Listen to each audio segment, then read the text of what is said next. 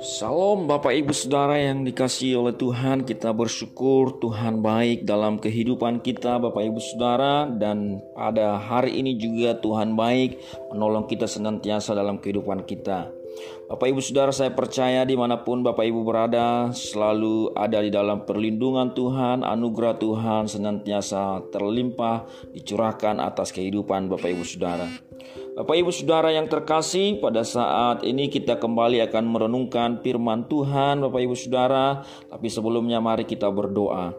Bapa di surga, kami bersyukur Tuhan buat anugerahmu yang besar dalam kehidupan kami dan kasih setiamu yang senantiasa tidak pernah habis-habisnya dalam kehidupan kami. Bapa di surga, hari ini kami mau merenungkan firmanmu, kiranya hikmat roh kudus akan memenuhi hati dan pikiran kami sehingga kami mengerti firmanmu dan kami diberi kekuatan menjadi pelaku-pelaku firmanmu sehingga namamu ditinggikan, dimuliakan melalui kehidupan kami. Dalam nama Yesus kami berdoa, haleluya, amin. Bapak Ibu Saudara yang terkasih, pada saat ini kita akan kembali merenungkan firman Tuhan yang tertulis dari Amsal pasal 2 ayat 1 sampai ke 22. Ya, Amsal pasal 2 ayatnya yang pertama sampai ayatnya yang ke-22 Bapak Ibu Saudara. Nah, Bapak Ibu Saudara, saya tidak akan membaca semua ayat ini tetapi Bapak Ibu kita akan belajar dari ayat ini secara khusus Bapak Ibu Saudara dan yang saya renungkan dari ayat ini setelah membaca ayat ini Bapak Ibu Saudara, LAI memberi judul dari keseluruhan pasal ini yaitu faedah dari menuntut hikmat atau kegunaan daripada menuntut hikmat. Nah, Bapak Ibu Saudara, kalau kita membaca dengan uh, teliti, kita membagi teks ini dalam satu pasal ini, maka yang pertama di dalam pasal uh, 2 ini ayat 1 sampai ayatnya keempat itu merupakan persyaratan Bapak Ibu Saudara. Ini seperti ada uh, sebab akibat di sini Bapak Ibu Saudara yaitu jika ya di dalam ayat pertama Jikalau engkau menerima perkataanku dan menyimpan perintahku di dalam hatimu. Di ayat 3 juga jikalau engkau berseru kepada pengertian dan menunjukkan suaramu kepada kepandaian. Di ayat 4 juga jikalau engkau mencarinya seperti perak dan mengejarnya seperti mengejar harta terpendam. Jadi dari keseluruhan teks ya Bapak Ibu Saudara yang ada di dalam pasal 2 ini maka ayat 1 sampai 4 itu adalah syarat Bapak Ibu Saudara. Jika jika kita melakukan itu maka ayat 5 ayat 5 sampai 8 maka kita akan mendapatkan ya Bapak Ibu Saudara ayat 5 dikatakan uh, maka engkau akan memperoleh pengertian tentang takut akan Tuhan dan mendapatkan pengenalan akan Allah. Jadi Bapak Ibu Saudara jika kita melakukan ayat 1 sampai 4 yaitu menerima perkataan Tuhan menyimpan perintahnya di dalam hati kita dan telinga kita memperhatikan hikmat Bapak Ibu Saudara kita mencarinya Bapak Ibu Saudara maka kita akan memperoleh pengertian tentang takut akan Tuhan dan mendapat pengenalan akan Allah. Jadi dua hal yang akan kita peroleh yaitu takut akan Tuhan dan pengenalan akan Allah. Nah, mengapa Bapak Ibu Saudara takut akan Tuhan itu dan pengenalan akan Allah itu menjadi penting Bapak Ibu Saudara?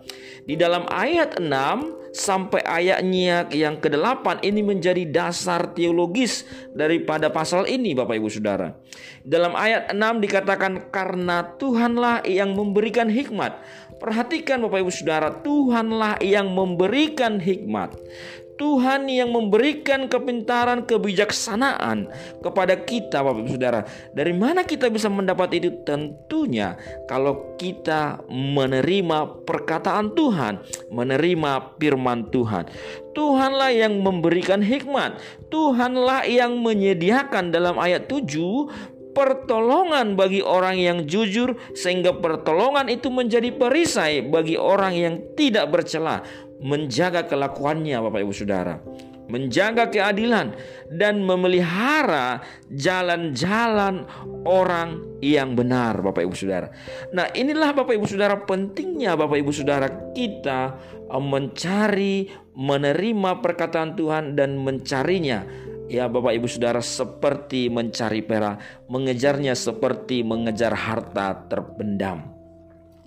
Nah, ini berarti Bapak Ibu Saudara, jika kita memiliki kerinduan, jika kita memiliki Bapak Ibu Saudara kemauan yang kuat untuk mendengarkan firman Tuhan, menerima firman Tuhan, mencari firman Tuhan itu seperti mutiara yang terpendam Bapak Ibu Saudara, seperti harta yang mahal yang terpendam, maka kita akan mendapat pengertian takut akan Tuhan dan mendapat pengenalan akan Allah karena pengenalan akan Allah karena Tuhanlah yang memberikan hikmat itu. Tuhanlah yang memberikan hikmat dan dari mulutnya lah pengetahuan dan kepandaian. Di dalam ayat 6 dan 7 dan juga 8 ini menjadi landasan teologis daripada uh, pasal 2 ini Bapak Ibu Saudara. Ini menjadi dasar Bapak Ibu Saudara. Kenapa kita harus mencari hikmat itu? Kenapa kita harus mendengarkan, menerima perkataan itu Bapak Ibu Saudara? Kenapa kita harus Bapak Ibu Saudara mencarinya seperti mencari perak atau harta yang terpendam? Bapak Ibu Saudara, kemudian Bapak Ibu Saudara di dalam ayat yang ke-9 jadi ada hal pertama yang kita dapat tadi yaitu kita akan mendapat pengertian tentang takut akan Tuhan dalam ayat 5 dan pengenalan akan Allah. Kemudian di dalam ayat 9 dikatakan lagi maka engkau akan mengerti tentang kebenaran, tentang keadilan dan kejujuran bahkan setiap jalan yang baik maka kita akan mengerti kebenaran, keadilan, kejujuran, bahkan setiap yang baik. Kalau kita mencari hikmat itu, kalau kita menyimpan perintah Tuhan, memperhatikan perintah Tuhan, dan mencenderungkan hati kita kepada firman Tuhan, Bapak Ibu Saudara, maka kita akan mengenal kebenaran, mengenal keadilan, dan mengenal kejujuran, bahkan setiap semua jalan yang baik karena hikmat itu akan masuk ke dalam hati kita, ke dalam pengetahuan kita dan menyenangkan jiwa kita.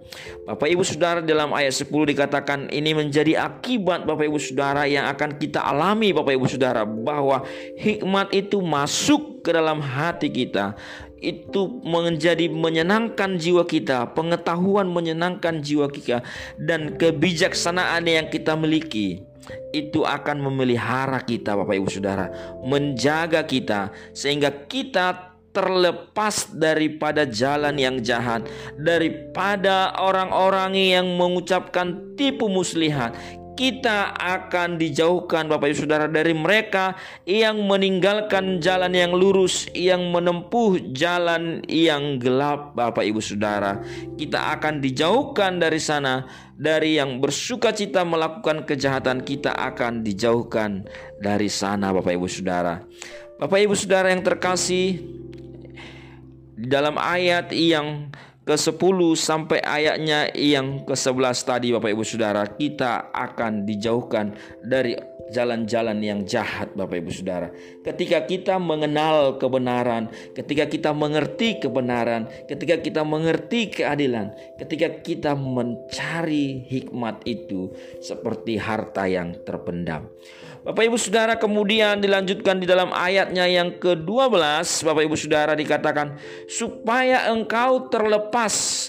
Di dalam ayat 12 ini menjadi tujuan dari apa yang kita lakukan Bapak Ibu Saudara. Ketika kita mencari hikmat kemudian kita tahu Bapak Ibu Saudara apa yang kita dapatkan. Dan tujuannya adalah supaya kita terlepas. Tujuannya adalah untuk diri kita sendiri Bapak Ibu Saudara. Kalau Bapak Ibu rajin membaca firman Tuhan, mencari hikmat di dalam firman Tuhan, maka tujuannya adalah untuk dirimu sendiri, untuk diri kita sendiri Bapak Ibu Saudara, supaya kita terlepas Bapak Ibu Saudara. Terlepas dari mana? Terlepas dari jalan yang jahat, dari orang yang mengucapkan tipu muslihat, dari mereka yang meninggalkan jalan yang lurus dan menempuh jalan yang gelap, Bapak Ibu Saudara. Dari mereka yang bersuka cita melakukan kejahatan, kita terlepas dari mereka yang suka, yang bersorak-sorak akan tipu muslihat yang jahat, dari mereka yang berliku-liku jalannya yang sesat dan perilakunya, Bapak Ibu Saudara. Di dalam ayat 12 ini Bapak Ibu Saudara dan juga ayat 13, 14 dan 15 ini kita terlepas daripada orang-orang jahat Bapak Ibu Saudara. Ini adalah kriteria kriteria orang jahat Bapak Ibu Saudara. Jalan yang jahat, mengucapkan tipu muslihat Bapak Ibu Saudara, meninggalkan jalan yang lurus dan hidup dalam jalan yang gelap, bersukacita melakukan kejahatan. Dari ayat 12 sampai Bapak Ibu Saudara 15 ini menjadi Bapak Ibu Saudara tujuan daripada kita mencari hikmat itu Bapak Ibu Saudara. Itu hikmat itu sendiri adalah firman firman Tuhan, yaitu perkataan Tuhan itu sendiri Bapak Ibu Saudara. Bapak Ibu Saudara kemudian kalau kita melihat Bapak Ibu Saudara kemudian di dalam ayat yang ke-17 Bapak Ibu Saudara ya dikatakan supaya engkau terlepas dari perempuan jalang dalam ayat 16 supaya engkau terlepas dari perempuan jalang. Jadi ada dua tujuan. Yang pertama tadi di dalam ayat yang ke-12 Bapak Ibu Saudara dikatakan supaya supaya engkau terlepas dari jalan yang jahat. Kemudian di dalam ayat yang 16 dikatakan supaya engkau terlepas dari perempuan yang jalan.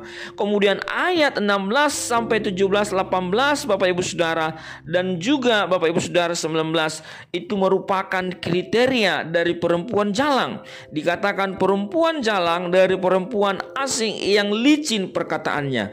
Kita terlepas dari yang licin perkataannya yang meninggalkan teman hidup masa mudanya yaitu mereka yang meninggalkan suaminya.